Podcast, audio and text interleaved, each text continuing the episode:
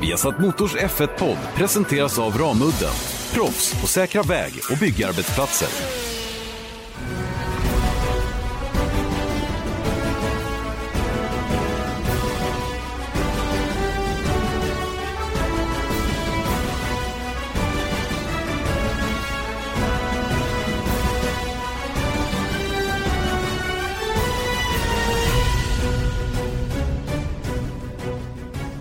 Då hälsas ni varmt välkomna till Viasat Motors Formel 1-podd.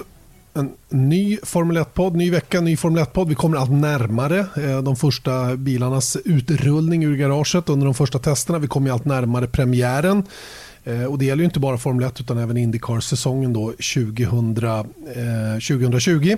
Eh, det innebär ju att det börjar bli lite intressant nu att redovisa vilka lanseringsdatum som finns nu för bilarna, vilka som är redovisade så här långt och hur intressanta de här lanseringarna i själva verket är numera. Det är väl tveksamt om de är så det är mera så här en, jag tycker det, det, känns som att det är mer en, en, en, en sponsoruppvisning än att man visar upp själva bilen.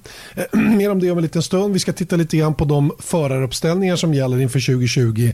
Vilka har den starkaste föraruppställningen egentligen och vilka har den svagaste? Erik Stenborg som har eh, fnulat på alltihopa det här. Hur eh, känns det idag denna tisdag? Det känns bra. Du glömde säga att vi har Felix Rosenqvist också i vår du, Proust Questionnaire. Det var ju eh, otroligt skämmigt att ja, inte i första hand ta med Felix Rosenqvist. Nej, precis. Vårt Proust Questionnaire fortsätter. Vår eh, F1-podd-variant med Motorsport eh, Touch kan man väl kalla det. Eh, där alltså Felix Rosenqvist den här veckan då är vår gäst och det är ju verkligen ingen gäst som går av för hackor på något sätt. Så att, eh, det ska vi eh, naturligtvis få njuta av också. Kommer tillbaka till hur läget är då för din del. Bra, tycker jag. Det är nästa tisdag. Säsongen kommer närmare, båda faktiskt. Det har varit eh, nästan ingenting som hänt under december, januari hittills. Och sen så helt plötsligt så har jag börjat jobba heltid igen mm. Mm. med eh, Indycar och F1-säsongerna som kommer. Hur går det då? Liksom, eh, vad, vad är det som, eh, vad, hur ser schemat ut för din del? Så vad, är, vad är det du börjar ta tag i först och främst? Eh, först är det ju alla liksom resor och sen så är det ju för alla er och sen så är det ju, nu är det mest den tekniska sidan på, på F1, den är ganska igång. Den har vi kört med så länge så att vi kommer ha i praktiken samma. Men det är mycket med Indycar som kommer förändras, eh, inte förändras utan det är ju det är mer liksom Stärkas. Be, exakt, beståndsdelarna i Indycar eh, produktionen måste liksom ses över. Eller vad man ska säga. Så det, det, är det framför allt faktiskt. Och sen så är det lite sånt där, det är ju, F1 är så himla inrutat hela tiden, det vet ju du. Men där är samma sak hela tiden. Man får, jag har precis fått alla papper från FOM som måste fyllas ut för att få akkrediteringar. Bla bla bla, och det är bara liksom att beta av. Medan med Indycar är det liksom en helt annan process utan du måste liksom jaga folk och det känns som att ja, men det är ganska lång tid kvar tills dess, tycker de. Men det är så här, ja okej, okay, men vi måste få svar på vissa frågor och, eh, och så vidare. Och det är inte samma, det är inte samma organisation helt enkelt. Nej. Diffust, diffust svar, eller hur? Ja, jag vet inte. Det är, väl, det är väl som det är helt enkelt. Att eh, de här två organisationerna är väldigt olika att jobba mot, Formel 1 respektive Indycar. Och det, har man ju, det, det kände man ju av redan förra året när jag åkte på försäsongstesterna för Indycar. Att det var, ju liksom, det var väldigt, väldigt soft allting. Mm. Mm. Eh, Formel 1 är ju raka motsatsen. där, man, eh, där de till och med utfärdar speciella pass för just tv under försäsongstesterna. För att eh, man inte bara ska kunna segla in där med sitt föregående säsongs, säsongspass liksom och, och finnas där. Utan det, alltid om man ska synas i bild, för de får ju referenser av det vi filmar, så ska man ha det här passet synligt. Och det är ju det är väldigt, väldigt noga med sådana där grejer just när det gäller Formel Inte alls lika noga när det gäller Indycar. En fråga som dyker upp allt som oftast Erik, det är ju um, det här med träningarna från Indycar-sändningarna. Hur, hur, är det med dem? F får vi ens sända träningarna?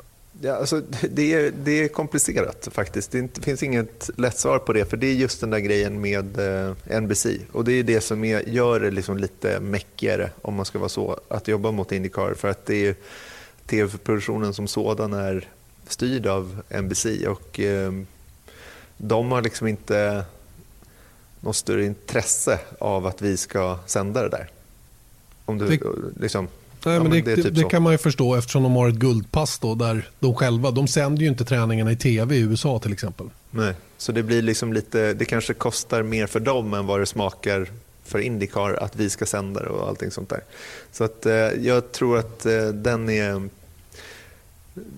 det är en komplicerad nöt att knäcka. Mm. Ja, vi får väl ta med oss att önskemålet finns från en del i alla fall att få se Indycar-träningarna. Eh, och, eh, ja, vi, kan, ja, vi har inget besked att ge. Jag vet inte om vi någonsin kommer att kunna visa dem. Men det, det är som Erik säger inte så lätt att få till.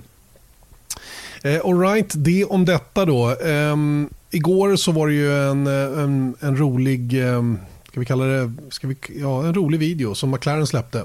Mm. Eh, där de släppte lös snarare Lando Norris inne på fabriken. Där. Han skulle göra någon form av livesändning på YouTube, var det inte så? Jo, såg du den? Nej, jag gjorde inte det. Jag, jag har sett eftermälet av den och, och, allt som har varit runt omkring. Men jag har inte sett själva videon, jag inte. Nej, nej men det var ju, han eh, gjorde en tour på, live på YouTube eh, över Mac, McLaren, McLaren Technology Center, heter det va? Mm, MTC.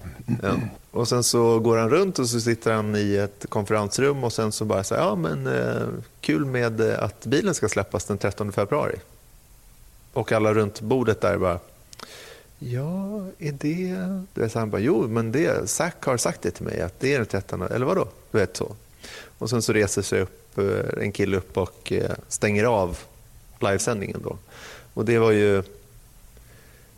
Det är kanske inte så många som tror att det var 100% äkta, men det var ju så att säga. Om det var en kupp eller om det var sant så råkade han liksom, eh, nämna det då när deras launch date för deras nya bil skulle vara. Ja, jag såg faktiskt en video nu på morgonen som, som eh, talar för att det var eh, ett, ett fake. Så att säga. För att de hade nämligen riggat med fler kameror i det där konferensrummet. Ja.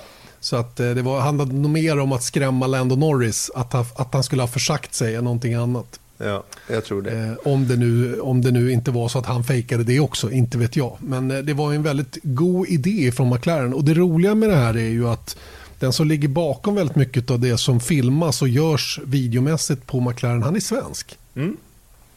Och eh, en kille som heter Henrik Ringner som, som är då ja, creative producer video eller någonting sånt där har han som titel på McLaren Group. Då. Och, han har ju fått ett drömjobb verkligen om man gillar Formel 1 och är duktig på den här typen av saker. Jag måste säga att jag tycker att han är duktig. Jag har berömt honom förr för det. Att de gör fantastiskt roliga saker som, eh, som eh, jag tror uppskattas av väldigt många. Jag tycker McLaren ligger i framkant. Det här stängda konstiga eh, vad ska vi kalla det, företags eh, corporate-mässiga eh, teamet som har blivit så öppet och så glatt och så roligt helt plötsligt. Mm. Och det är nog, tror jag ändå, ganska mycket tack vare förarna. Att de är villiga och sugna på att göra det. Inte minst eh, Lando Norris såklart då, som har han har ju stor följarskara på sociala medier just för att han, han jobbar med det verkligen aktivt. Mm. Och eh, Nu läste jag lite efteråt att han kanske hade skojat lite för mycket under fjolårssäsongen. Och eh, det är ju alltid en balansgång att hitta nivån för hur mycket energi man ska lägga på de här grejerna kontra seriositeten i körningen så att säga. Och det skiljer sig lite grann mellan Carlos Sainz och Lando Norris. Men jag tror inte att det har tagit fokus från deras jobb. Det är nog mer så att de är olika som människor som har gjort att de har, en oli, de har olika approach. De skojar ju väldigt mycket med varandra också. Och jag håller med om att det är förmodligen förarparet som är en del av det. Men jag tycker också att det verkar vara en väldigt, väldigt tydlig strategi från det här teamet att jobba på det här viset med de sociala medierna. Plus att de kanske har fått in en sån som Henrik då, som, som kläcker roliga idéer då, som, som förarna tycker är kul att hålla på med och som får bifall från, från teamledningen att göras. så att säga då. Ja, men titta nu, att nu skulle vi ta en, en punkt här i vår podcast om, vi skulle bara redovisa när teamen skulle släppa sina bilar, de tre som har annonsat hittills. Vi har suttit och pratat i fem minuter om McLaren nu. Så snacka om att det, att det liksom, hur, hur, hur viktig sociala medier är. Men kolla vår Twitter-feed under gårdagen. Ja. Alltså seriösa journalister som vi vet är liksom med på noterna. De, de gick i alla fall ut med egna tweets om att de tyckte att det här var ju fantastiskt att Landon Norris hade försagt sig. Mm. Det tog en stund innan folk började liksom fundera på om inte det här kanske var en kupp ändå. Mm. Vilket var min roll. första tanke. Nej, det gör inte det. Utan det är ju det viktiga att man pratar om dem. Och det gör man ju verkligen. Och det är det här jag tycker är så genialt i hela upplägget som de, som de hade för gårdagen till exempel. Mm. Vi har tre team som har eh, släppt sina datum hittills. och Det är Ferrari 11 februari. De kommer göra det i Maranello som brukligt. Eh, sen McLaren då 13 februari och sen så Alfa Tauri kommer visa sin eh, bil i Salzburg i Österrike den 14 februari. Och sen så drar testen igång den 19 februari. Men du var inne på det. Hur, hur, eh, hur mycket av bilarna får man se? Äh, ingenting skulle jag säga. Det är, ju, är, det, är det ens en riktig bil så är det ju någon form av mockup som de har gjort i ordning bara där vissa delar naturligtvis är så som den kommer att se ut på banan så småningom. Då. Men det handlar ju framförallt om att visa upp utseendet på bilen, vad det ska ha för färgschema, hur ska sponsorerna framträda och så vidare. Det är mer en sån grej numera. Det var ju, det var ju förr i tiden mer att tycker jag, där man, där man faktiskt visade upp den verkliga bilen. Nu jobbar man ju ända in i sista med, med, den, den, med den bil som faktiskt ska gå på banan under testerna. Och det blir ju ännu mer så när man har dragit ner på antalet testdagar dessutom. Så jag, jag lägger ingen större vikt vid det. Det är kul att ha sett bilen, absolut. Och är det någon som ändrar utseende på den så, så blir det ju lite snack om den. Eh, jag är ju fortfarande av, av uppfattningen och åsikten att det här borde de göra veckan eller två dagar innan första testdagen och så har man en gemensam grej där alla teamen visar upp sina bilar eh, på samma ställe och där all nyckelpersonal från varje team finns på plats för media. Man kan till och med bjuda in publik eh, som får komma dit och betala inträde för att komma och se hela det här eventet. Det är ju, det är ju, jag tycker det, det, är överskattat där att man vill ha sin egen dag där man får presentera sin bil och bla bla bla. Det, det, det var förr. Mm.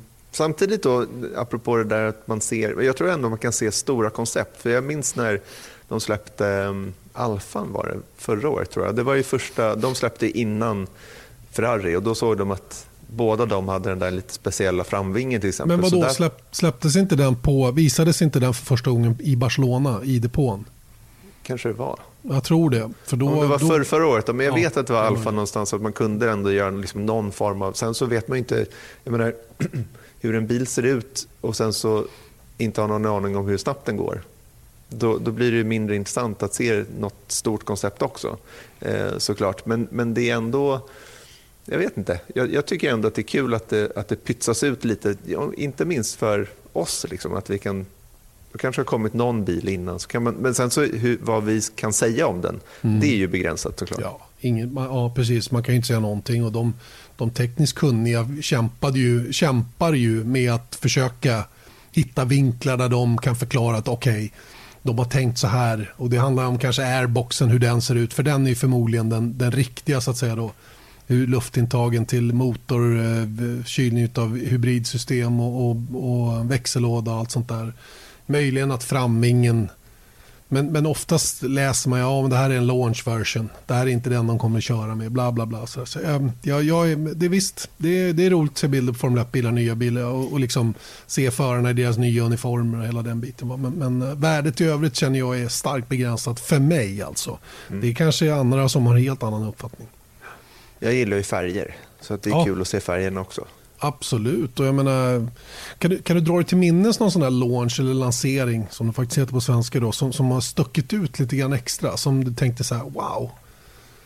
Mm. Alltså, jag menar, i, I modern tid eh, så är det väl då har det inte varit så spektakulärt. Eh, men jag menar, jag minns när Jordan hade med Cirque du Soleil på Royal Albert Hall var det va?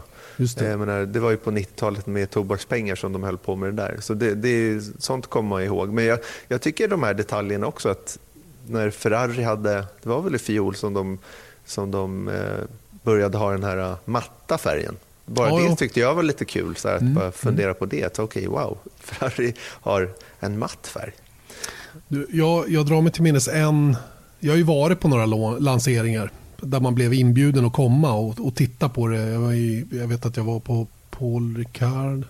Nej, inte på Paul Ricard. Jag var någonstans i alla fall och tittade på Toyota, nya Toyotan.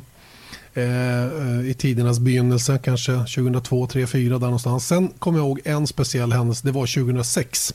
Det var när säsongen startade i Bahrain. Och, och um, Red Bull uh, bjöd in, man fick en liten sån här uh, tusen och natt-ask, en skattkista.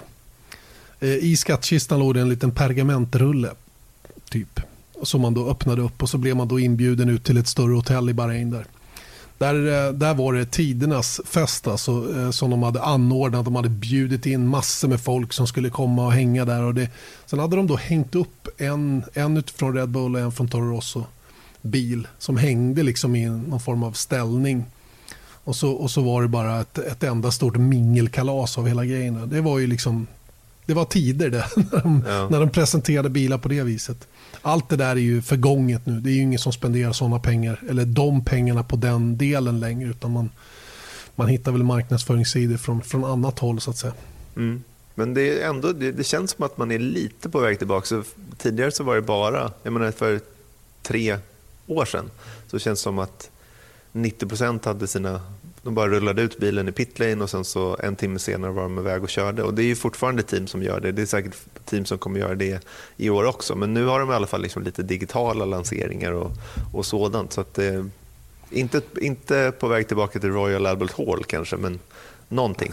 Det, det känns väl onödigt, men visst en liten eh, livesändning på webben, det tycker jag alla borde kunna kosta på sig. och, och ha en, en rejäl presentation, göra som en liten tv-sändning där man, där man får prata med, alltså inte göra den publik. Det fattar jag inte varför man, för jag, så, jag vet inte om det var två år sedan Renault hade någon grej i Paris där, där liksom de bjuder in massa studiopublik då, eller publik runt bilen och så gör man hela eventet filmat men man gör det för publiken på plats, inte för oss som sitter vid skärmen och kollar.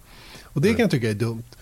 Det är ju bättre om man gör en, en riktig tv-sändning och når många flera ut. Den behöver inte vara på tv, men, men du förstår vad jag menar. Den, den borde kunna spridas på en YouTube-kanal eller vad man nu har för någonting.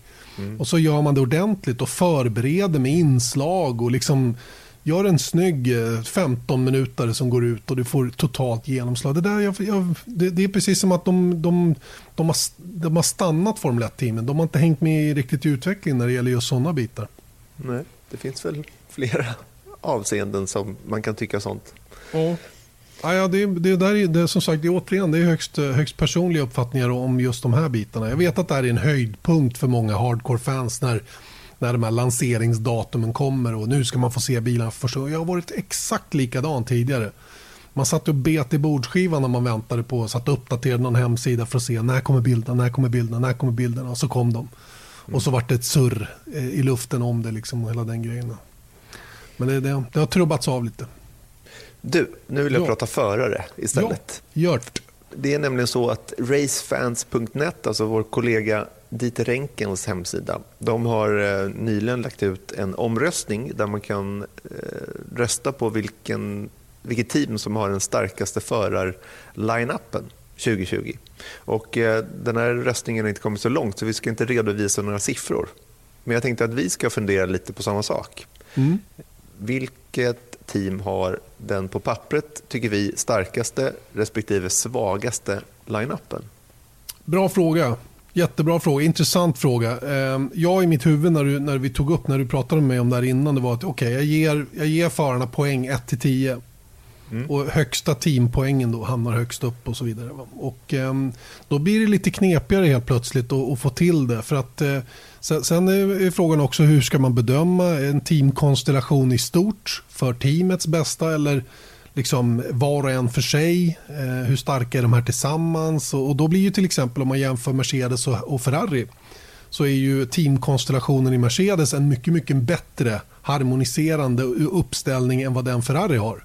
Mm. Men Ferraris båda förare tillsammans får en högre poäng totalt sett än vad Mercedes båda gubbar får. I ren speed menar du? I ren, ja, alltså i ren kapacitet. Mm. Jag tycker både Sebastian Vettel och Charles Leclerc eh, drar till sig så mycket poäng så att även om Hamilton får fullt så kommer Bottas inte att få fullt. Och lägger man ihop då de poängen som, som Mercedes skramlar ihop jämfört med den Ferrari får ihop så, så skulle Ferrari få mer poäng i min mm. värld. Mm. Men då kommer ju den här tredje delen, för vi vet ju hur Ferrari agerade, eller hur de båda förarna i Ferrari agerade under fjolåret, vilket inte var eh, positivt på något sätt egentligen eh, för teamets bästa. Och det är det här som gör det så himla svårt. Eh, vi tar Red Bull där vi även där har en, ett väldigt, väldigt starkt kort i den ena bilen och ett lite mer oprövat kort i den andra bilen. Hur, hur, vad får de för poäng totalt sett? McLaren, Carlos Sainz Jr och Lando Norris som är en vansinnigt intressant konstellation och mm. som tog mycket poäng sett till förutsättningarna de hade under fjolåret. De kommer också hamna högt upp på min lista. Mm. Men, men, och sen Renault, Daniel Ricciardo och Esteban Ocon. Esteban Ocon som är en, en blivande stjärna enligt många och Daniel Ricciardo som är en etablerad stjärna. Mm. Vi sa ju att Daniel Ricciardo och Nico Hülkenberg under förra året kanske var fältets bästa lineup. Mm. Så att du förstår lite grann hur jag resonerar. Ja, det är svårt att sätta någon, göra någon ranking här. Mm. Ja, men det kanske inte är det vi ska göra, då, men jag tänker ändå att... Det, för, om man tittar på listan, låt, låt, mig gå igenom den. Mercedes kör ju vidare med... Det är egentligen bara två team som har exakt samma line-up som de... Nej, det är, det är många fler. Det, det är två team som har ändrar, sig, ja, mm. ändrar sin mm. line-up. Det är, Renault, det är Renault och Williams. Precis. Så att det, ju, det finns ju beprövade... Man vet ju hur det gick förra året helt enkelt. Men mm. sen så är det andra aspekter som förändras såklart med rookiesarna inte längre rookies och sen så kommer det in en rookie i Williams och, och hej och hå. Men Mercedes kör vidare med Lewis Hamilton och Valtteri Bottas. Ferrari kör även de vidare med Sebastian Vettel och Charles Leclerc. Red Bull, Max Verstappen och Alexander Albon. McLaren Carlos Sainz Jr och Lando Norris. Renault, Daniel Ricciardo och Esteban Ocon som kommer tillbaka till Formel 1. Alfa, Tauro, Alfa Tauri alltså gamla Toro Rosso med nytt namn, kör med Daniel Kviat och Pierre Gasly. Racing Point, Sergio Perez och Lance Stroll. Alfa Romeo, Kim Räikkönen och Antonio Giovinazzi. Haas, Romain Grosjean, Kevin Magnussen och Williams, George Russell och Nicolas Latifi. Mm. Ja, det, det, okay. vi, vi, vi, kan väl sträcka oss till att försöka få fram den som, det team som har den starkaste line-upen och det team som har den svagaste line-upen. Vad, vad, vad säger du då? Ja, jag väljer nästan mellan fyra stall där. Om man tittar på topp fem, Mercedes, Ferrari, Red Bull, McLaren och Renault. Där tycker jag att Red Bull faller bort ganska fort och det är på grund av Albon. Max Verstappen skulle man ju ha i sin egen du vet, den här Motorsport Manager eller vad heter det, Fantasy F1 uh, lineup. Det skulle man gärna ha Verstappen tror jag.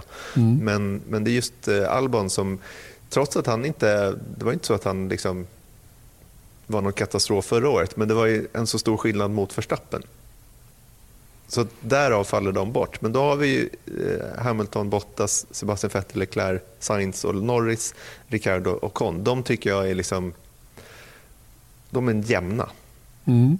Ja, det, det skiljer inte många poäng Nej. om man skulle rata ihop dem. Och Sen kanske skalan 1-10 nästan är för, för, eh, den är för grov. Mm. Ja, jag tror det. Ja. Ja, det, här, det här är otroligt svårt att komma fram till någonting. Jag, jag, jag sätter nog Ferrari som har, som har den prestationsmässigt på varje hand. De har den starkaste uppställningen. Charles Leclerc, Sebastian Vettel ska på pappret vara den starkaste i min värld. Mm. Eh, det, det, måste jag säga. Eh, Lewis Hamilton är ju självklar, så han får full pott givetvis. Men Valtteri Bottas, det är lite som med Albon där. Jag vet inte, jag har svårt att bestämma mig om Bottas. Han, han är lite för ojämn. Mm. Eh, han, han verkar lite vek mentalt. Han försökte stärka sig mentalt under inledningen på fjolåret, men det föll ifrån lite grann tycker jag.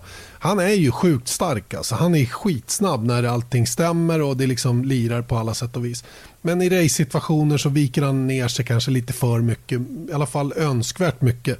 Men Mercedes har totalt sett för teamets bästa den bästa line-upen i det avseendet. Då. Eh, sett till Vettel och Leclerc då, så är de två otroligt starka kort. Leclerc som fick nyss eh, ett långkontrakt ända fram till 2024 och Sebastian Vettel då, som är rimligen är i slutet av karriären men han har fyra VM-titlar. Då. Vettel har inte varit nära att få ut max av sig själv nu på ett tag.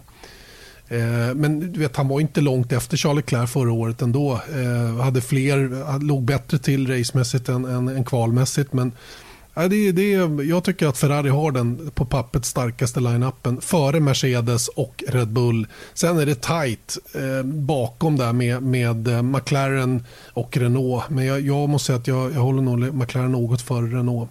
Mm. Den svagaste line-upen i min värld. Eh, det, det är ju står mellan tre team eh, så här långt. Eller egentligen fyra team, jag på säga. Det är ju Racing Point. Lance Stroll är ett svagt kort. Så enkelt mm. är det. Han är för vek på, på lördagarna framför allt.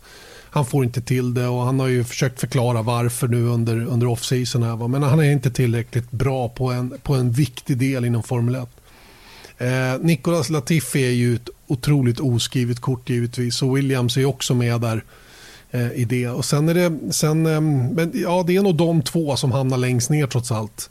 Mm. Eh, och sen eh, kommer Haas men, och Alfa Romeo. Det där är intressant då, för då säger du Racing Point, men Sergio Perez, jag menar, han överlevererar ju samtidigt. Och det, då är det den här grejen att det, det är lätt att ranka förare kanske enskilt, mm. men just när de är ett par det är då det blir lite svårare. För att ett kort må vara starkt, men då kanske det andra kortet är långt mycket svagare. Mm. Lex eh, Perez roll. Mm. Ja, det är lite samma tendens tycker jag i Alfa Romeo, i alla fall inledningsvis förra året. Kimi Räikkönen klart starkare då än Giovinazzi. Nu jämnade det där ut sig under året. Vi hade samma sak i Haas. Grosjean fick inte alls ut det som finns hos honom rent prestationsmässigt jämfört med Kevin Magnussen. Och George Russell körde ju skjortan av Robert Kubica trots allt. Det var, ju mm. aldrig, det var ju aldrig något snack om någonting annat. Trots att det var Kubica som tog den där, mm. den där lite turliga poängen då i Tyskland. Jag är nog svagast Haas respektive Williams. Och Det bygger jag på att jag tycker att, apropå det där att ett starkt kort, ett svagt kort, så Grosjean Magnussen, jag skulle hävda då att Magnussen är det starka kortet i det teamet sett till fjolåret. Men jag tycker kanske inte att hans kort är så oerhört starkt. Nej. gentemot Grosjean heller. Så att de där är lite vanskliga tycker jag. Men sen så George Russell, det är så svårt att säga vad han har gjort. Jag menar, han kvalade ut Kubica i alla kval. Eh, men utöver det så kan inte jag riktigt bedöma honom utifrån vad han gjorde. Liksom. Latifi tror jag bara, magkänslan är inte jättehög för, för hans del. Så att, eh, jag skulle nog ta Williams där ändå. Mm. Ja, Williams är svag, har den svagaste line-upen, det, det, tycker jag också. Eh, när vi pratar Haas som du är inne på där. Eh, jag tycker att bilen de hade förra året ska ha väldigt mycket skit, mer än förarna faktiskt. Eh, det är, det är svårt att vara konsistent när bilen är så pass skum som den var under fjolåret. Romain Grosjean är en hetare förare än vad Kevin är och städ, satte sig i lite svårare situationer. Eh, men, men eh, jag tycker nog att Romain Grosjean är, är starkare tillsammans med Kevin Magnusson än vad, än vad George Russell och Nicola Latifi är. Jag tycker att Haas kanske till och med starkare än Kimi Räikkönen Giovinazzi tillsammans. Grosjean och Magnussen starkare än, än Räikkönen Giovinazzi. Alltså tillsammans nu pratar jag. Mm. Så att alla förstår det. Eh, och sen tycker jag att Stroll drar ner Racing Point lite för mycket så de hamnar på näst sista plats. Mm. Och sen kan man också konstatera då gentemot, alltså om man jämför Haas och Williams så har vi ju, säg att vi har 15 säsongers erfarenhet i Haas Mm. En säsongs erfarenhet i Williams. Det säger också någonting. Visst, visst gör det det. Visst gör det. Och det, alla de här har ju chansen att visa, bevisa motsatsen under året. Här. Så det här är ju bara en pappersprodukt vi, vi får fram nu. så att säga. Det är, Nej, det är facit. Det är nej, men, ja, men, ja, jag, jag fattar att jag är lite övertydlig här, va? men det är viktigt att påpeka det. Det, är inte det. det här är ju bara som man sitter och resonerar. Det kan ju vara se helt annorlunda ut när vi kommer till banan. Och jag, jag älskar att ge alla chansen. Jag gillar inte att såga folk innan de har fått chansen. Till exempel Nikola Latifi. Lance Stroll kanske helt plötsligt har fått kläm på det här nu när, när de får köra samma typ av däck ytterligare en säsong. Mm. Ingen aning. Det kan, det kan se helt annorlunda ut när det, väl, när det väl sätter igång. Och allting i slutändan hänger också på vad, är det, vad, vad får teamet ihop för bil? Hur passar den respektive förare och så vidare. Viasat Motors Formel 1-podd har eh, gått igenom lite lanseringsdatum. Vi har också pratat för, föruppställningar så här långt då med, med hur vi ser på det när det gäller vilket som har den starkaste uppställningen respektive den svagaste. Det slutade med att vi gick igenom alltihopa fast vi inte skulle det. Hur som helst, vi har ju en riktig godbit kvar Erik. Ja, det var nämligen så att vi har gjort de här uh, The Proofs Motorsport Questionnaire ett frågeformulär där man ska ta reda genom det formuläret får man reda på en persons sanna natur. Säger väl någonting. Och eh, nu har vi gjort det med eh, Björn Wirdheim, Rickard Rudell, Marcus Eriksson och eh, nu även med Felix Rosenqvist. Idel racerförare, svenska sådana. Så är det faktiskt. Och, du, eh, ja. Folk frågar ju hur kommer vi att analysera de här formulären på något sätt. Gjorde Proust det? Nej, men det får man väl göra själv. Okej, okay, det, är, det är upp till var och en så att säga. Man, man liksom lyssnar på svaren och så får man bilda sin egen uppfattning. Jag tror det, det fanns ingen så här matris Nej, det- man går nej. igenom? Nej, det finns ingen så här, det här var ett konstigt svar. Eller då måste man vara nog eh, lite mer psykolog än vad jag är i alla fall. Okej. Sannolikt. Sannolikt. Hörrni, hög tid att sparka igång den här intervjun med Felix Rosenqvist. De här eh, Proust Questionnaire-varianterna presenteras ju som vanligt av Bertasoni. Det här italienska familjeägda företaget sedan 100 år tillbaka som gör eh, köksprodukter. Eh, vitvaror liknande spisar, kylskåp, allt vad du nu kan tänkas behöva. Eh, de, gillar att, eh, de gillar att se till att du kan laga mat på ett vackert sätt. Eh, snygga grejer som finns att eh, beskåda på bertasoni.se. Bertasoni.se. Eh, och med det sagt, hög tid då att dra igång den här intervjun då, där alltså Felix Rosenqvist är veckans gäst. Välkommen till F1-podden Felix Rosenqvist. Tack så mycket. Är du redo för en, en konstig intervjuupplevelse? Väldigt eh, oförberedd, men eh, det ska nog gå. Mm, du är lite, lite mer nervös över den här intervjun än andra, eller hur? Ja, men det känns så. Det, det är inte de vanliga liksom, trycka på play, robot-svaren, utan eh, kanske något annorlunda. Exakt, och det är det som är tanken också. Bra. Men då kör vi igång så att du, du, du slipper det här snart. Yes. Bra. Börjar med första frågan. Vilken motorsportspersonlighet, levande eller bortgången, beundrar du mest? Uh, svår fråga. Eh, om man ska blanda in alla aspekter så tycker jag nog eh, Jackie Stewart. Eh, med tanke på att han har gjort så mycket för säkerheten i motorsport. Och, Eh, det kanske inte är en jätterolig grej så eh, för unga förare. Men jag, jag tycker det, i och med att man blir äldre själv så fattar man hur mycket energi han la ner och att han inte behövde göra det. Utan det, det är lätt att vara självisk när man är i sin karriär. Och, och han la faktiskt energin på att liksom, driva massa andra saker utan att få betalt för det överhuvudtaget. Eh, och det, det tycker jag är beundransvärt. Mm. Nu kommer vi faktiskt in på en ganska intressant aspekt över det med tanke på vad Indycar går för mot en förändring till nästa säsong det är Aeroscreen. Hur, hur känner du över den, rent generellt? Uh, hade du frågat mig tre år sedan så hade jag nog inte gillat den. Uh, men nu så tycker jag nog så här att jag, ja, man, man tar vad, vad som än blir serverat liksom när det kommer till safety. Det är bara liksom tacka, ta emot och, och, och vara glad att man, man är säker i bilen. Liksom. Så att, eh, jag, jag har nog inga invändningar mot den riktigt så. Var, var det någonting som har gjort att du liksom förändrat din syn på det eller bara blivit äldre och mognare? Jag tror det är mycket det att man blir äldre och mognare. När man, eh, när man är liksom 16, 17, 18, 19 så, så fokuserar man mest på att det ska vara liksom häftigt och coolt och det ska gå snabbt. Och, men samtidigt, i och med att man blir äldre så kör man hela tiden snabbare bilar också.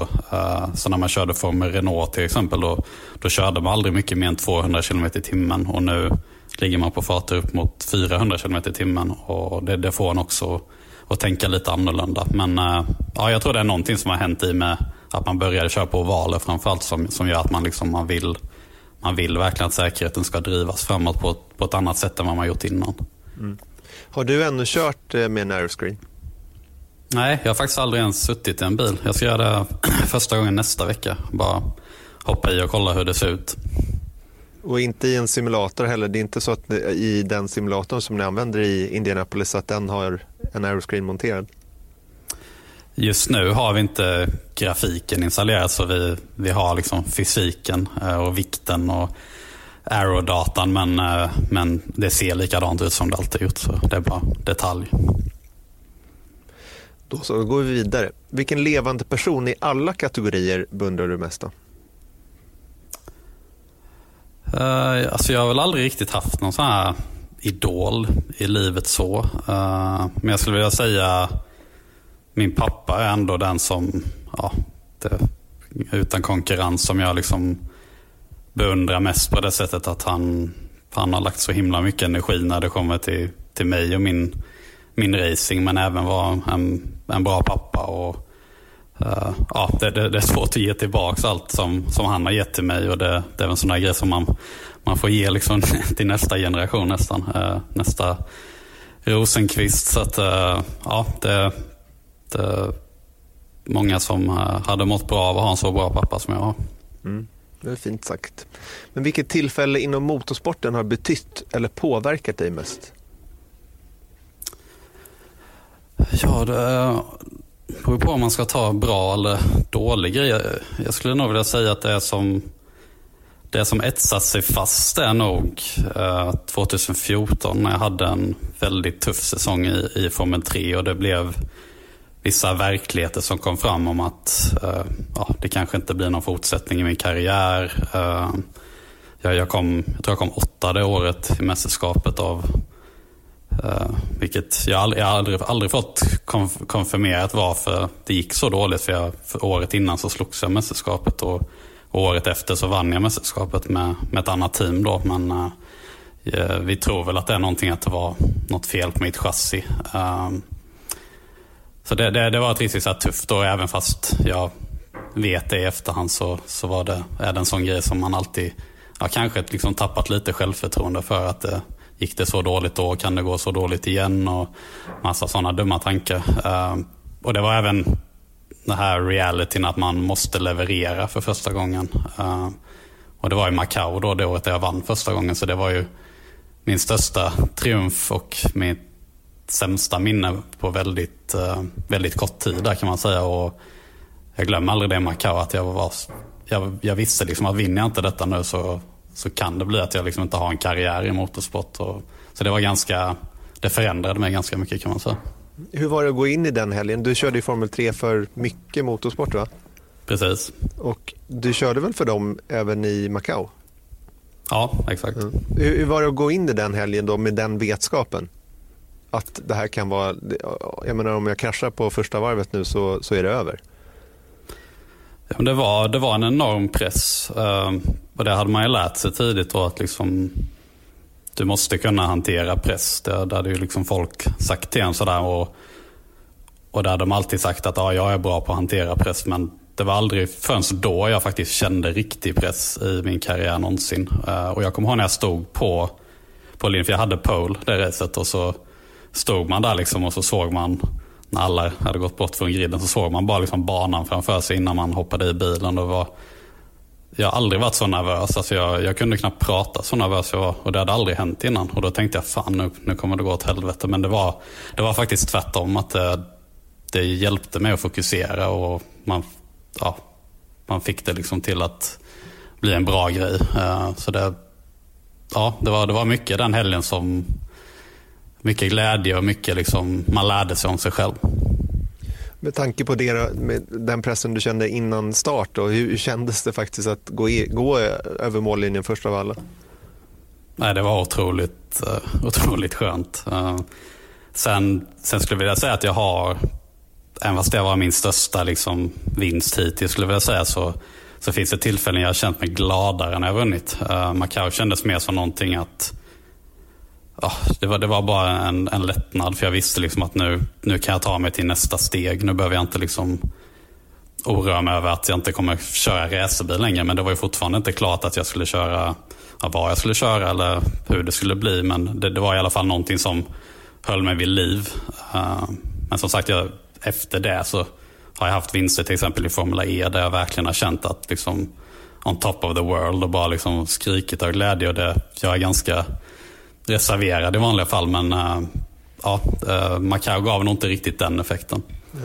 Det är faktiskt, jag var inne på det med, eh, i en tidigare, en av de här intervjuerna med Rickard Rudell och då frågade jag honom om vad som är största drivkraften, om det är att rädslan att förlora eller viljan att vinna.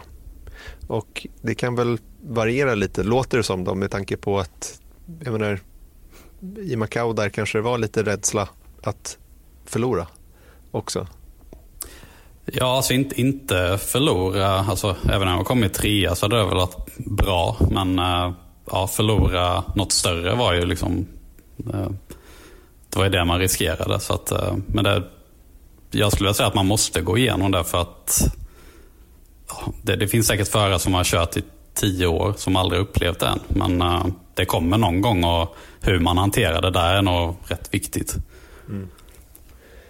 Om vi spolar tillbaka bandet lite då, vad, hur kommer det sig att du började med racing då från allra första början?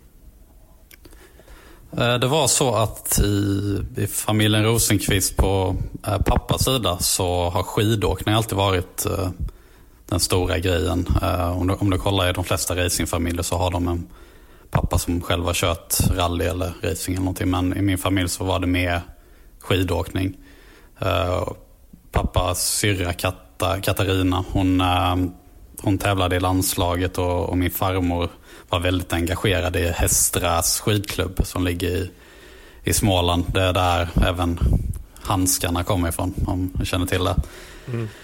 Uh, så där hängde jag mycket då. Så jag, jag, började åka skidor när jag var två. Sen började jag tävla när jag var kanske åtta, nio år gammal. Uh, tränade fyra, fem gånger i veckan och tävlade nästan varje helg under vintern i trakten då runt, uh, runt Hästra. Så alltså det var Sävsjö, uh, Vetlanda och Mullsjö och sånt där. Uh, I alla fall sen, sen hade ju jag och min pappa ett extremt stort intresse för bilar. Egentligen aldrig racingbilar. Pappa kanske hade mer intresse av det men jag, för mig var det bara vanliga gatbilar. Så jag var så här helt nördig på, alltså jag, kunde, jag tror jag kunde varenda bilmodell i hela världen. Och, är, är du fortfarande bilintresserad? inte bilar. på samma sätt. Eh, jag gillar nog, alltså det sitter kvar sedan den åldern, att de här bilarna från typ 90-talet, eh, Porsche, Ferrari, McLaren, alla de här, det, där har jag fortfarande extremt eh, stort intresse och skulle gärna vilja ha en sån bil i framtiden. Men nya så sportbilar och sånt är väl inte jättetilltalande. Um, men hur, förlåt att jag avbröt, men hur, hur, kommer, hur kom du över då på, på racingen? därifrån? Um, alltså det, det, det, kändes nästan lite så här meant to be. För det, med skidåkning då så fick man hela den här känslan för fart och, och, och spårval och hela den biten. Och sen det här intresset för bilar hela tiden så var det nästan bara en tidsfråga tror jag innan frågan kom. Liksom, ha, uh, ska man köra någonting eller ja. Så, så det var faktiskt så att en, en kompis som hette Johan Lundin som tävlade i hästar också. Han hade en go-kart och eh, eh, jag kommer inte ihåg om jag provade den först innan vi köpte den. För han, han, han tävlade då både i skid och go-kart. Så han, de, de sålde den till oss i alla fall och det var där det började. Så började, tävla, eh, eller började träna i Gislaved. Uh, och det, det, var väldigt, alltså när jag kommer ihåg när vi körde första gången där så kände man att det, eh, man var nog inte jättesäker på att det skulle bli någon racingkarriär. Men uh, ja, det ska börja någonstans. Måste göra det. Hur gammal var du då? Då var jag nog åtta år gammal. Åtta, mm. nio någonting. Och sen dess har du liksom kört utan uppehåll egentligen? Ja, precis. Vad är det största du upplevt inom din, ditt jobb i racing då? Uh, största upplevt? Um, Ja, då, alltså det är svårt att sätta fingret på exakt en sak sådär men uh, ja, om man ska dra det stort så tycker jag väl liksom att bara att ha ja, kunnat satsa på någonting och, och, och drömt om någonting och, och, kunna uppfylla det är någonting som uh, ja, det, det, kanske man inte trodde uh, skulle hända men så i efterhand så, så tror jag att det alltid skulle hända. För att man var så... Alltså när jag var mindre så lyssnade jag aldrig liksom på vad någon sa. Jag, hade, jag kommer ihåg jag hade lärare som sa det där kommer du aldrig kunna livnära dig på. Du måste gå i skolan. Och, uh, det var väldigt mycket folk som tyckte och tänkte När de saker. pekade på racing då alltså? Ja, precis. Uh, och det var många föräldrar och sådär runt omkring som sa liksom en, han måste gå i skolan och hur, vad ska det bli av honom och sådär ärligt talat så påverkade det aldrig mig någonting. Utan jag, jag tror jag var väldigt säker ganska tidigt på att liksom, om jag ska göra det här så måste jag ja, prioritera helt enkelt. Och, och, det var aldrig liksom en, en fråga för mig. Men eh, ja, det, det, det är väl, när man tittar tillbaka så är väl det det största. Att man kan ja, visa de som inte trodde på det att uh, det gick. Var, var det en drivkraft i sig så att säga, att motbevisa? Egentligen inte. Jag, jag tror inte jag la så mycket vikt på det utan det, det är nog mer kul i efterhand att kunna ja, se tillbaka och ja. se på alla som inte trodde på den. Ja, precis. Exakt. Vad gillar du mest med att vara racerförare då? Eh, det är nog friheten tror jag. Att man uh, inte bara liksom livsstilen. Det är klart man är väldigt bunden och man måste vara på många olika platser. Men sen har man dessutom eh, utöver det så har man väldigt mycket frihet och, och göra vad man vill. Sen, sen tycker jag även det är en sport som, som har mycket frihet i med att det, alla förare har olika, olika körstilar. och man kan alltid komma med egna idéer. Det, det, finns liksom inget, om du tar som i jag vet inte, höjdhopp eller någonting, så finns det liksom ingen speciell teknik som någon har utvecklat som du måste ta efter. Utan varje förare har en egen stil och man kan ha en egen setup. Och man kan komma med, man kan vakna upp en natt och tänka, ja men om jag provar det här så kanske jag tjänar en tiondel och så funkar det i många fall. Så även, även fast det är en materialsport så skulle jag vilja säga att det det är en sport som man inte kan träna sig till att bli bra i och med att man måste ha ett mentalt driv och vilja för att uh, vara bättre än de andra. Så jag, uh, lika mycket som jag hatar att det är materialsport och att någon har bättre motor eller någon sån där grej så, så, så, känns det också som att det är en fantastisk sport som jag, jag skulle inte vilja vara en annan sport i och med att just de andra aspekterna är så, så rätt för mig. Mm. Vad gillar du minst då med att vara racerförare? Uh, alltså, ärligt talat så... Att, andra har, eh, att en annan kan ha en annan motor kanske? Ja, alltså det, det är väl det i så fall. Det, det, var någonting som jag älskade när jag körde Formula E. För att uh, det var aldrig någonting att någon hade en bättre motor än någon annan. Utan det var alltid exakt samma toppfart i alla fall jämfört med ens teamkompis. Det var aldrig någon sånt här snack om att ah, men han har en slipstream och han har en... Ah, alla förare har hört de här bortförklaringarna från ingenjörerna som försöker liksom förklara din körning på att du tappar två kilometer i timmen på rakan. Och det är bara effekt. Liksom. Eh, så, det, så det, det är väl någonting som är, är tråkigt för att man, man, man, kan lägga så oerhört mycket energi på att hitta hundradelar eller tusendelar på banan och så kan du tappa tre tiondelar på att ha en dålig motor. Och det, det händer varje säsong i alla kategorier inklusive F1, Indycar. Mm. Det finns alltid någon stackare som kör runt med en, med en dålig motor. Och det, det går inte att köra runt det. Men i Indycar då, i F1 så är det ju en sak, jag menar när alla bygger sina egna bilar, men det är ju ändå en entypsklass Indycar. Och hur, hur, stor skillnad, jag menar vi pratar ofta om det här med Big Three med Andretti, Penske och eh, Chip Ganassi. Hur, hur, du som har varit nu ett år med Chip Ganassi, hur upplever du the big three från, från insidan så att säga? Om du ser på de andra. Alltså från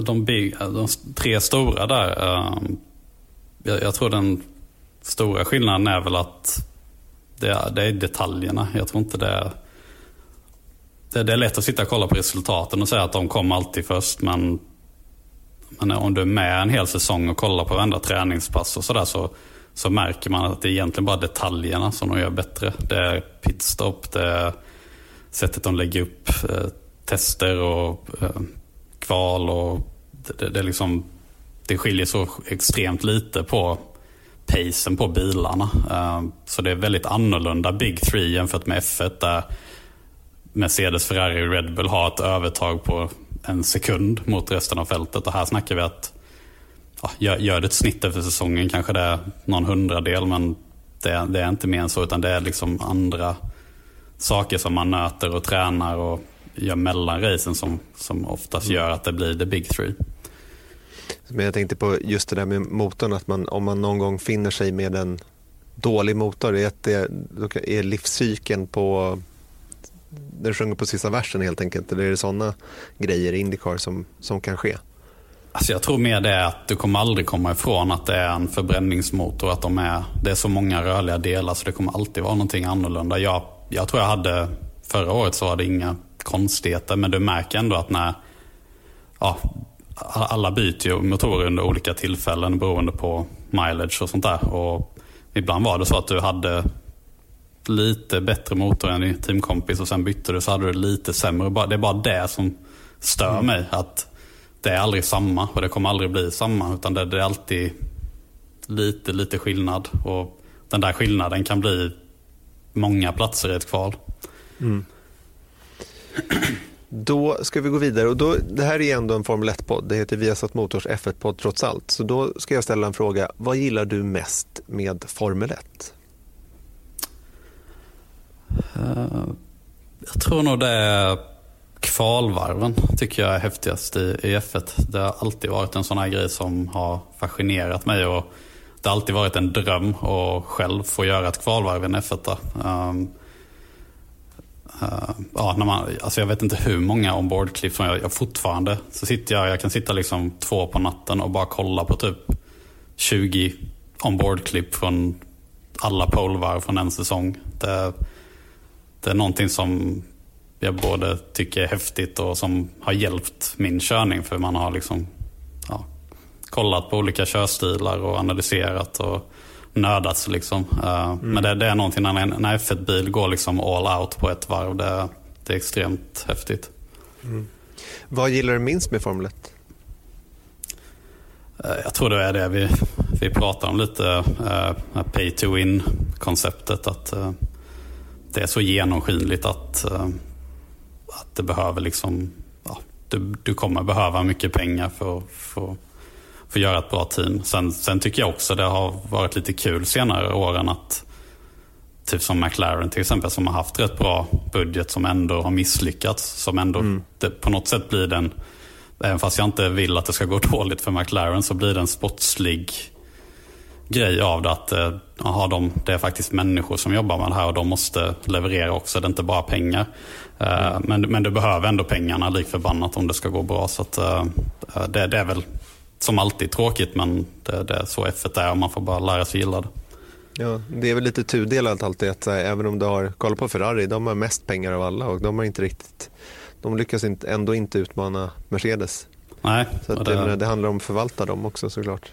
Det är lite kul faktiskt att det är så för det, det hade varit tråkigt om, om resultaten gick efter budgetlistan. Liksom. Mm. Ja, och det gör ju det nästan, men ja, inte, inte, inte, exakt. inte exakt. Då ska vi gå vidare och då är det någonting, nu vänder vi lite grann och frågar vad är din idé om perfekt lycka?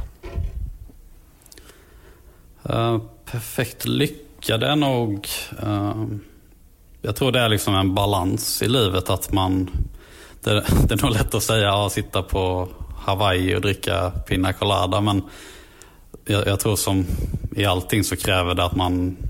Jag tror man måste jobba hårt för att vara lycklig. Eh, man måste ha väldigt man måste ha kul, vara eh, avslappnad, inte bry sig om vad folk säger. Men även jobba väldigt hårt och, och, och, och förtjäna de tillfällen man får relaxa. Och, ja, en bra balans tror jag är lycka i livet.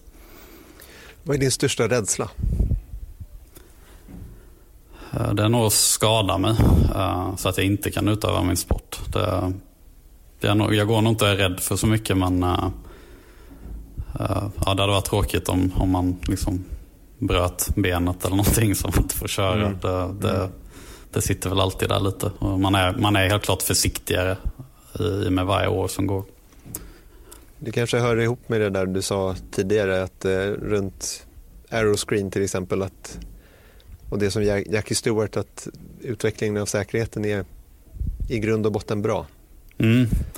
Precis, och det, men jag, jag, menar nog generellt i livet också. Det, alltså det är ju, du kan ju bli påkörd av en bil när du går över vägen. och Bara en sån sak. Eh, det behöver egentligen inte vara i racing. Så att, eller man, man kan bli sjuk. Eh, så det, det gäller att hålla sig frisk och uh, skadefri. Mm. Vilken egenskap hos dig själv uppskattar du minst?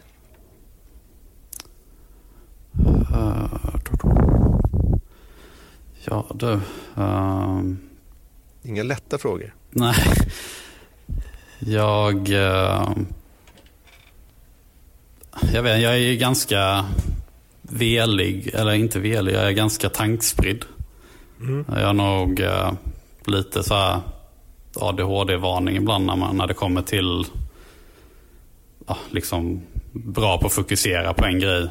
Eh, men sen om det kommer in någon annan grej så kan det bli att man glömmer och blandar ihop och, och, och sådär. Det, är- det är nog därför det har nog blivit en bra grej också. För när jag väl sitter i bilen så har jag aldrig haft problem att fokusera. Och, alltid kommit in i en bubbla liksom på en sekund. Men i, i vanliga livet så är det nog många som kan bli frustrerade med mig ibland. Typ min tjej bland annat. Att uh, man Du glömde bort den här intervjun också, ska vi Ja. konstatera också. Ja, precis. Men du kommer ihåg den i för i ganska god tid ändå.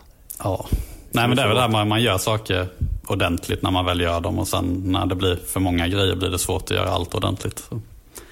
Har du någon strategi för att fokusera eller är det bara det, det kommer enkelt till dig? Apropå om det är någon så här störning eller säg att du blir intervjuad och får en konstig fråga precis innan du sätter dig i bilen till exempel.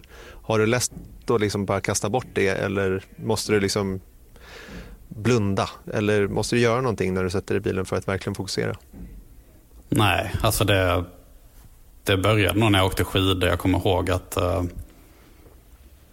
det var inget jag tänkte på då, men det var alltid folk som frågade. Så här, bara såg du oss? I, vi stod och hejade vid sidan. Hörde du oss? Och jag bara så här, nej. Alltså, det fanns en, jag hörde ingenting när jag åkte. Uh, och det är likadant i racing. Det, det är verkligen från, alltså när man startar motorn tror jag det är så bara liksom försvinner allting. Och det har aldrig varit något problem alls att fokusera. Vilken egenskap hos andra uppskattar du minst? Um,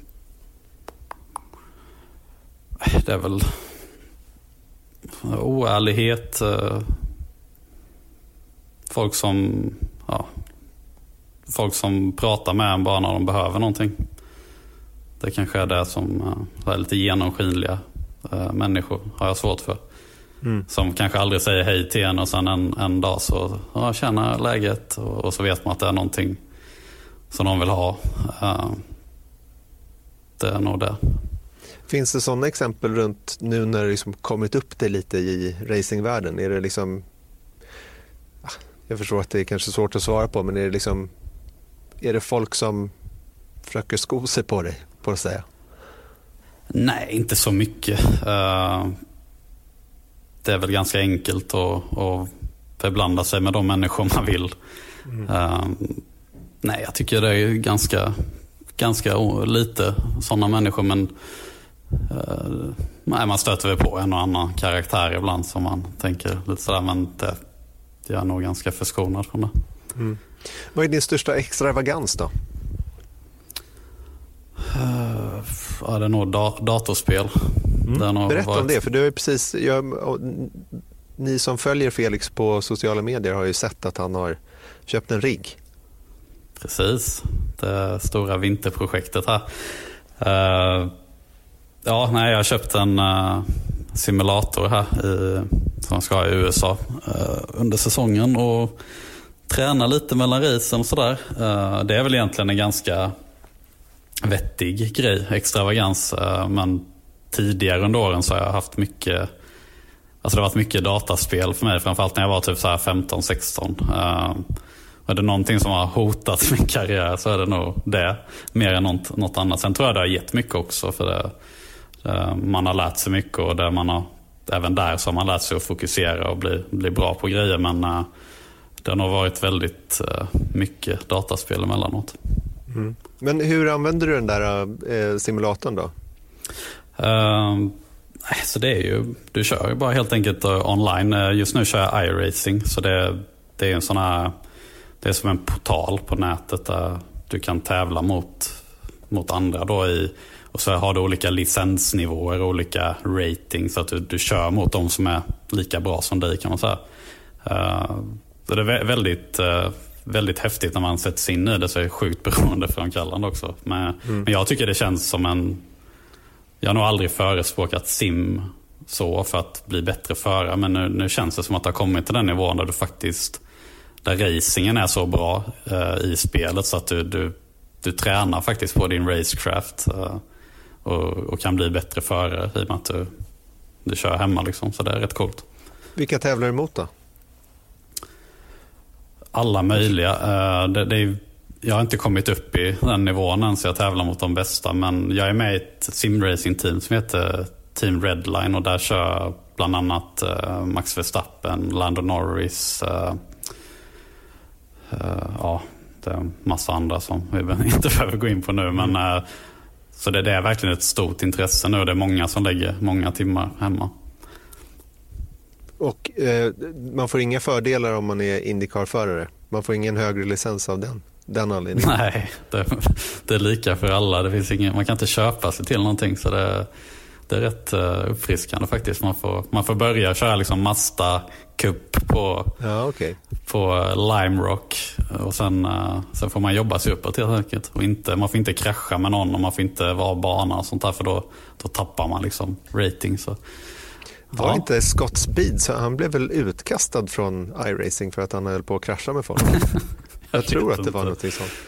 Ja, jag tror han, han körde rallycross och så, du vet, så bara mosade han av folk i parti och minut och så får han inte köra längre. Han jag. blev bannad liksom. Ja, jag tror att det var så faktiskt. Ja. Ja, men det, de har rätt mycket sådana regler. att Är man vårdslös så kan man bli liksom bannad. Så, ja, det, det, det, kan nog stämma. Mm. Då kanske vi kan komma in på nästa fråga. Vid, vilka tillfällen ljuger du? Uh, du, jag är väldigt dålig på att ljuga faktiskt. Måste jag säga. Det, jag tror folk ser på mig om jag ljuger. Jag är nog ganska ärlig människa. Uh, men det är väl någonting om någon frågar kanske om man läst något mail eller någonting. Eller läste du, jag tror som teamet skickar alltid ut en sån här report innan varje race. Och så frågar han, läste du rapporten? Så, ja, ja, jag läste den. Men jag har blivit eh, genomskådad där några gånger så de har lärt sig att jag, jag ljuger där med. Okay. Så att... Du ljuger inte mot Scott Dixon? Nej, det gör jag nog inte. Uh, jag säger att jag håller yttern i kurva två fast jag håller innan. Okay. Nej, Nej det, jag, som sagt jag, jag, jag, tror nog på ärlighet eh, överlag. Jag ljuger nog väldigt sällan. Vad gillar du minst med ditt utseende? Oj då. Um, du, jag lägger inte heller någon större vikt på det ska jag säga. Uh, alltså jag kommer ihåg när jag var, jag är väldigt kort, eller väldigt, jag är, jag är kort, jag är 1,69. Uh, så när jag var liten kommer jag ihåg att jag tyckte det var häftigt att vara kort. Jag tyckte det var liksom en cool grej. Att det, det skulle alla, alltså, var, man, man skulle vara kort. Det var liksom det alla gillade. Och sen en dag så insåg man liksom bara fan, nu säger alla att man ska vara lång här. Då, då fattar man inte, ja, det, vem har sagt det liksom? Vem skrev den regeln? Uh, och sen har det alltid varit sådär, folk kommer fram och säger, ja fan vad kort du är. Eller någon fan eller någonting sådär. det, är väl, det. Det, är väl ing, ja, men det är rätt många som säger det faktiskt. Såhär, ja. Fans som får träffa en i verkligheten och säger, åh du, vad liten du är. Men, det är väl hur bra som helst som racerförare? Ja, precis. Det, jag, det har nog bara varit en bra grej för mig. Och det, det är nog, jag, jag lägger ingen större vikt vid det förutom att det, det var bara någonstans blev det en grej att man inte skulle vara kort. Och jag, jag fattade inte varför men nu, nu kanske jag fattar det men det, nej, det är skitsamma. Du, det är som det är, eller hur? Precis. Ja. Vad ångrar du mest då? Uh, ja du. Um, Ja, det är nog lite grejer jag hade gjort annorlunda tror jag. Om, om jag hade fått börja om. Framförallt om man ser på en racingperspektiv. Uh, samtidigt så tror jag ändå att saker och ting blev som det blev för att det var det enda sättet det kunde bli.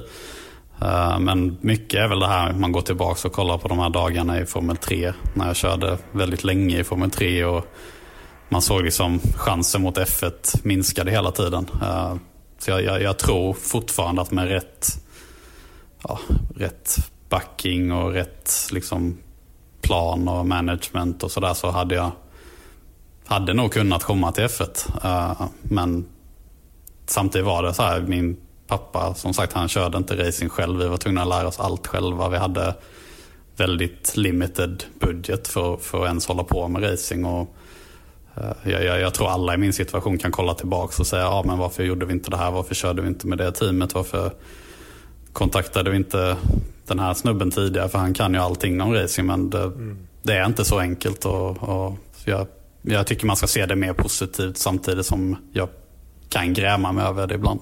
Mm. Men det är väl så att man tar, det är sällan man tar beslut som man vet är fel. Exakt. När man väl gör dem. Liksom. Ja, det är det här klassiska Captain Hindsight. Det, det är lätt att vara efterklok. Men uh, nej, överlag så, som, som vi snackade om på din, en av de första frågorna där, så bara, bara det att man har en karriär är ju, liksom, det är ju min största bedrift. Så att uh, uh, detaljerna, hur man, hur man kom dit, det, det känns mindre viktigt egentligen. Mm. Var och när var du som lyckligast? Um... Du har inte fått barn så det kan du inte svara Nej, det är många jag, som inte, det. jag har inte haft så mycket familjeliv än. Uh, men det är väl någonting man, som jag kan tänka mig är väldigt stort. Uh, jag tror nog det var, alltså senast jag kan komma ihåg var liksom när jag uh, in, var det Berlin när jag vann mitt första Formel E-race. Det var, det var någonting som verkligen släppte där och det, det kändes otroligt. Uh, jag var väldigt glad. Uh, sen snackade han Macau innan, det var en annan känsla. Men just det racet var jag så himla glad och det, var, det syntes nog också. Uh, mm. Och jag hade hela min familj där och min tjej var där. Och, uh, det var speciellt. jag, jag brukar aldrig tycka att prisutdelning är något speciellt. Förr i tiden så lämnade jag alltid mina pokaler så i pressrummet för jag glömde dem. Så kom alltid folk så här bärandes med pokalen efteråt. Eh, men det, det racet var verkligen det. Det kändes speciellt att stå på pallen. Mm. Hur var det första Indycar-pallen då? Eh, jag vann ju inte det racet så att eh, det kändes nog... Vinna är så mycket bättre än att komma tvåa. Så mm. det, det kan förhoppningsvis bli, om vi kör samma quiz någon gång så kanske det blir nästa. Mm. Mm. Vilken talang skulle du bäst vilja ha? Uh, Eh, alltså det är väl lite där vi gick in på innan. Vara mer ordningsam. Eh, jobba mer efter en plan. Vara liksom mer organiserad i både privata livet och i racingen. Eh, jag, jag, tror jag kör mycket på liksom jag kör nog rätt mycket på talang. Jag, jag tar saker och ting som kommer, vilket är, är en styrka. Men för att bli absolut bäst så behöver du ändå ha, liksom, du måste jobba på ett mm. annat sätt och du måste lägga upp liksom en, inte världens långsiktigaste plan, men du måste ha, var, varje dag måste du tänka liksom att det här vill jag få ut, det här, eller varje pass, testpass, som vill, vill du komma dit. Liksom, du kan inte bara gå ut och köra hela tiden. Uh, så det är väl någonting jag alltid jobbar på att bli bättre och någonting som jag måste aktivt tvinga mig själv till att göra för att det kommer inte naturligt. Mm. De här två kommande frågorna har vi varit inne, jag tror att vi har varit inne på dem, men du får försöka justera svaren lite då, så, att det, så att det blir lyssningsbart här. Men vad anser du vara din största prestation i livet? Eh, jag tror det är, att du har en karriär. Jag tror det är samma som vi, vi sa mm. tidigare. Uh, sen, sen jag, jag tycker också att jag jag har alltid försökt vara schysst mot alla. Och, uh, det är många som, som kommer till mig och säger ja, vad, vad jordnära du är, vad, vad snäll du är och tack för att du svarar på mitt meddelande. Och, och så och det, det är väl någonting som känns kul att höra av folk att man bara för att man själv har liksom achievat en, någonting så betyder det ganska lite det hela. Det, det, det viktiga är att vara liksom en bra människa och det, det, det hör jag ofta att jag är, så det tycker jag också är en bra prestation. Mm. Då hoppar vi över till nästa fråga. Vilka är dina favoritfilmer med motoranknytning? Uh, Le Mans. Uh, lätt. Steve McQueen? Yes. Mm. Det, var, det var den första. Så jag kommer fortfarande vara den här farsan. Bara, Kom här Felix, nu ska jag visa dig en riktig riktigt bra film. Och så I början så här fattade man ingenting. De, det tar väl typ här, en kvart innan någon säger någonting. Ja, jag, vad fan är det här liksom? Man var typ sju bast eller någonting då skulle liksom fatta vad det där handlade om. Den Rolex, det var en Rolex-klocka tror jag där i början där som, mm. som tickar. Okay. Och, ja. Men det, ja, den, det har blivit några tittningar och den är lite så tradition nästan att, att kolla på den då och då. Det är roligt. Då kan du och Björn eh, mötas en gång om året och titta på den. För han, han hade ja, den han också. Har, han har samma, okej. Okay. ja, det var... Vilken är den bästa banan du kört på? Macau.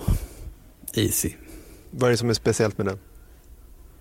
Den frågan har jag fått många gånger kan jag säga. Mm, det nu blir det här att trycka på play igen. Ja, gör det. Nej, uh, alltså den är... Det, det, är en sån där grej man måste, man måste bara köra där för att fatta. Och det, det säger jag till alla förare som inte har kört att det spelar ingen roll om du kör någon kinesisk touring car eller GT eller vad som helst. Åk dit någon gång och, och kör det racet för att uh, den banan är bara, alltså den, den tar ut så mycket från dig. Alltså sådana, det, det fokuset du behöver där är tre gånger mer än någon annan bana jag någonsin har kört. Uh, och när man ligger där på gränsen och verkligen liksom dansar mellan murarna så får man till det där flowet så tjänar man typ en sekund per varv. Och det, det är ingen mm. annan bana jag kan, jag kan uh, säga samma sak om. Hur tror du att det skulle vara att köra en Indycar på den banan? Skulle det gå? Absolut, det hade nog gått jättebra. Um, alltså även när man, jag kommer när jag körde GT3 där och den bilen var verkligen den var stor att köra runt där men det, det, det funkade skitbra. Uh, och Indycar kör jag liksom på Detroit som är, ja. det går ju knappt att köra där med en vanlig bil och det, där kör vi 300 så att uh, det hade absolut gått. Det hade nog varit mm. coolt. Normalt sett är den här frågan vilket race i F1-kalendern är det bästa att resa till. Men vi tar, för det, jag vet att det är många som eh, planerar i, det här, i, i detta nu att åka på ett Indycar-race. Vilket mm. eh, skulle du rekommendera? Allt sammantaget. Alltså racingen på banan, där man bor, kanske staden närmast och så vidare. Upplevelsen. Allt sammantaget hade jag sagt eh, Toronto. För det jag kanske lite bias, men jag tycker stadsbanan är extremt kul. Du har nära till stan, eh, mycket bra restauranger. Eh, det ligger centralt. Eh, jag hade nog sagt att det är det, det ultimata racet om man bortser från Indy 500 då. Eh, som är, det är ju speciellt på det sättet vi redan vet. Mm. Så det är väl de två är nog de bästa. Mm. Alltså Indy 500, jag var ju där i år, och, eller ja, förra året.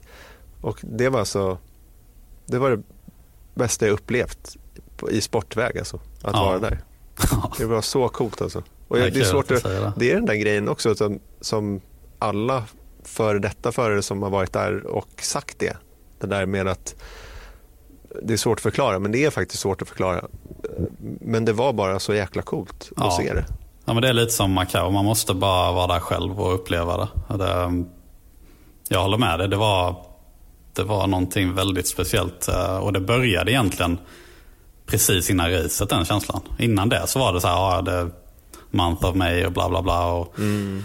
och det, det var svårt att fatta liksom vad är grejen. Men sen när racet kom så var det bara boom, det här, det här är grejen. Det, här är, det finns fan ingenting som är så här häftigt. Mm. Hur var det att gå upp på det där podiet där när alla förarna presenteras och man ser? För det var det som jag kände, om jag tar min eget perspektiv på det, att när jag tittade på er som gjorde det och sen såg man de här läktarna, alltså, det var bara sjukt att tänka sig att man var på ett ställe där 400 000 andra människor var. Ja. Det var det, jo, det, liksom. och det är inte ofta man reflekterar över sånt, utan folk på läktaren blir nästan liksom som ett blur bara. Man tänker aldrig på det, men det är exakt så som du säger när man gick upp där och gick under den här Gasoline Alley som man har gjort hundra gånger under en month of May. Och man är så van vid att det aldrig är några folk där och sen helt plötsligt så sitter det 400 000 pass. Det, mm. ja, det var, det var banne mig bland det coolaste man har sett. Toronto och Indy 500 alltså, men vilket är det sämsta? Allt sammantaget. Vilket skulle du inte rekommendera att åka till? Um, det har nog sagt Iowa. Mm. Det är bra race men det finns absolut ingenting. Alltså är du inte 100% nörd så, så har du nog svårt att hitta någonting att göra. Um, men som sagt, det, det kan, som i år, det kan vara ett jättebra race. Uh, det, det, det, är lite vad man vill ha. Det, jag, jag hade nog, på, på samma sätt hade jag rekommenderat Mid Ohio för att den är den är också väldigt nördig. Men, men gillar man det så är det helt rätt. Uh, så det, ja, det, men som, som du sa, allt i allt så är det nog Toronto. Mm. Och Iowa regnade väl i sju timmar också så det var inte heller Ja, bättre. precis. Nej, det, det, det, krävs en riktig hardcore-fan då. Men det finns det ju. Mm, det gör det. Hur fort har du kört på, på bana och i trafiken? Var ärlig nu. Uh, på bana, det är ju lätt Indy 500 då kan det vara 390, 385, 300. Mm. Ja, jag vet inte exakt, 240 miles ungefär. Mm. I toppfart. I Nej, i race tror jag faktiskt det oh, går snabbare. Um, på väg så är det Hallandsåsen, om du vet ja. vad det är. Det var 299 tror jag hade på GPSen. Så jag har aldrig kört, aldrig kört i 300 på vanlig väg. Nej. Vad jobbigt, en kilometer ifrån. Ja, då jag skulle få midsommarfest så hade jag, mitt flyg var försenat. Jag hade haft en test på Lausitzring och så, och så var klockan typ sex. Och så skulle jag från Malmö till Halmstad och det var då, då satte jag det rekordet. Det var inga bilar på vägen då. Mm. Ja, det, det, var väl ett bra tillfälle kanske då? Ja, det kändes safe. Vilken Formel 1-bil tycker du är vackrast genom historien? McLaren 2008. 2008? Wow, yes. det var ju ett jätteovanligt val tror jag. Mm. Med alla de här konstiga vingarna och allting. Precis, Nej, jag gillar den. den. Hela den eran var liksom... Jag tror det, det handlar ofta mycket vad man relaterar till och vad, vad man själv var den tiden. Men den, den säger någonting speciellt.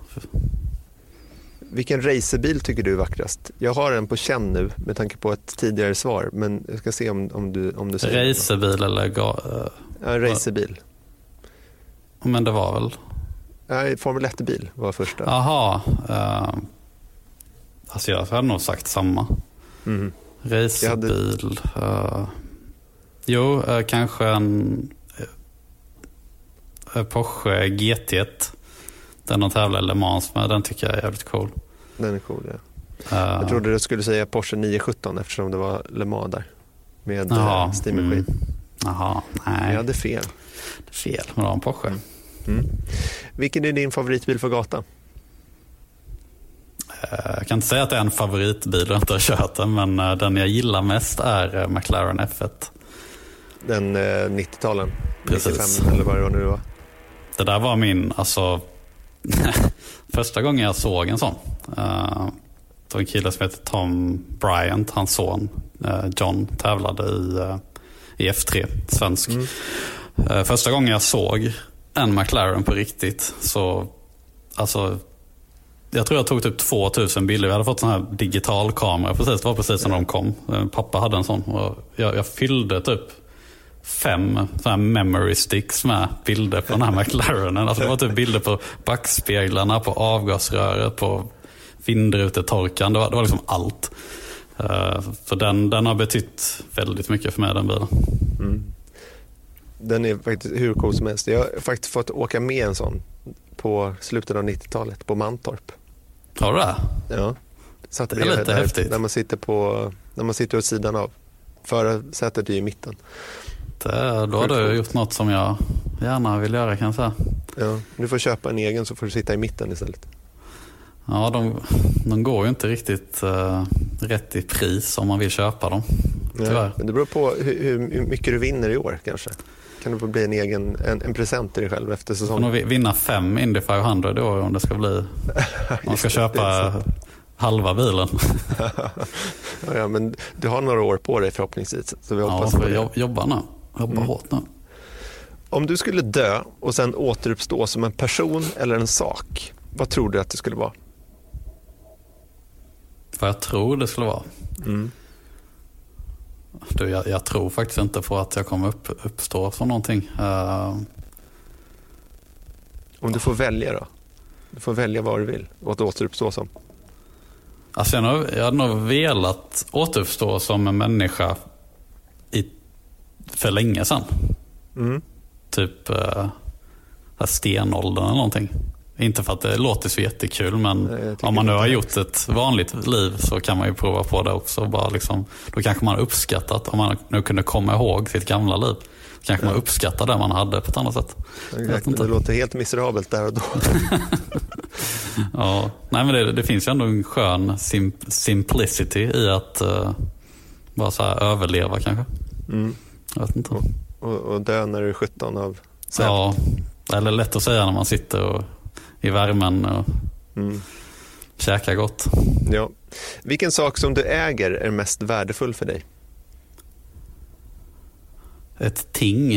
Uh, du, jag är sån här som hade mitt lägenhet brunnit ner så hade jag nog inte saknat så mycket. Det liksom, jag har nog det jag behöver. Det är min simulator i så fall. Ja. Den har jag investerat lite i nu. Uh, nej, det är min bil kanske. Mm. Din bil. Vad har du för bil? Uh, BMW M2 har jag i, i uh, Monaco.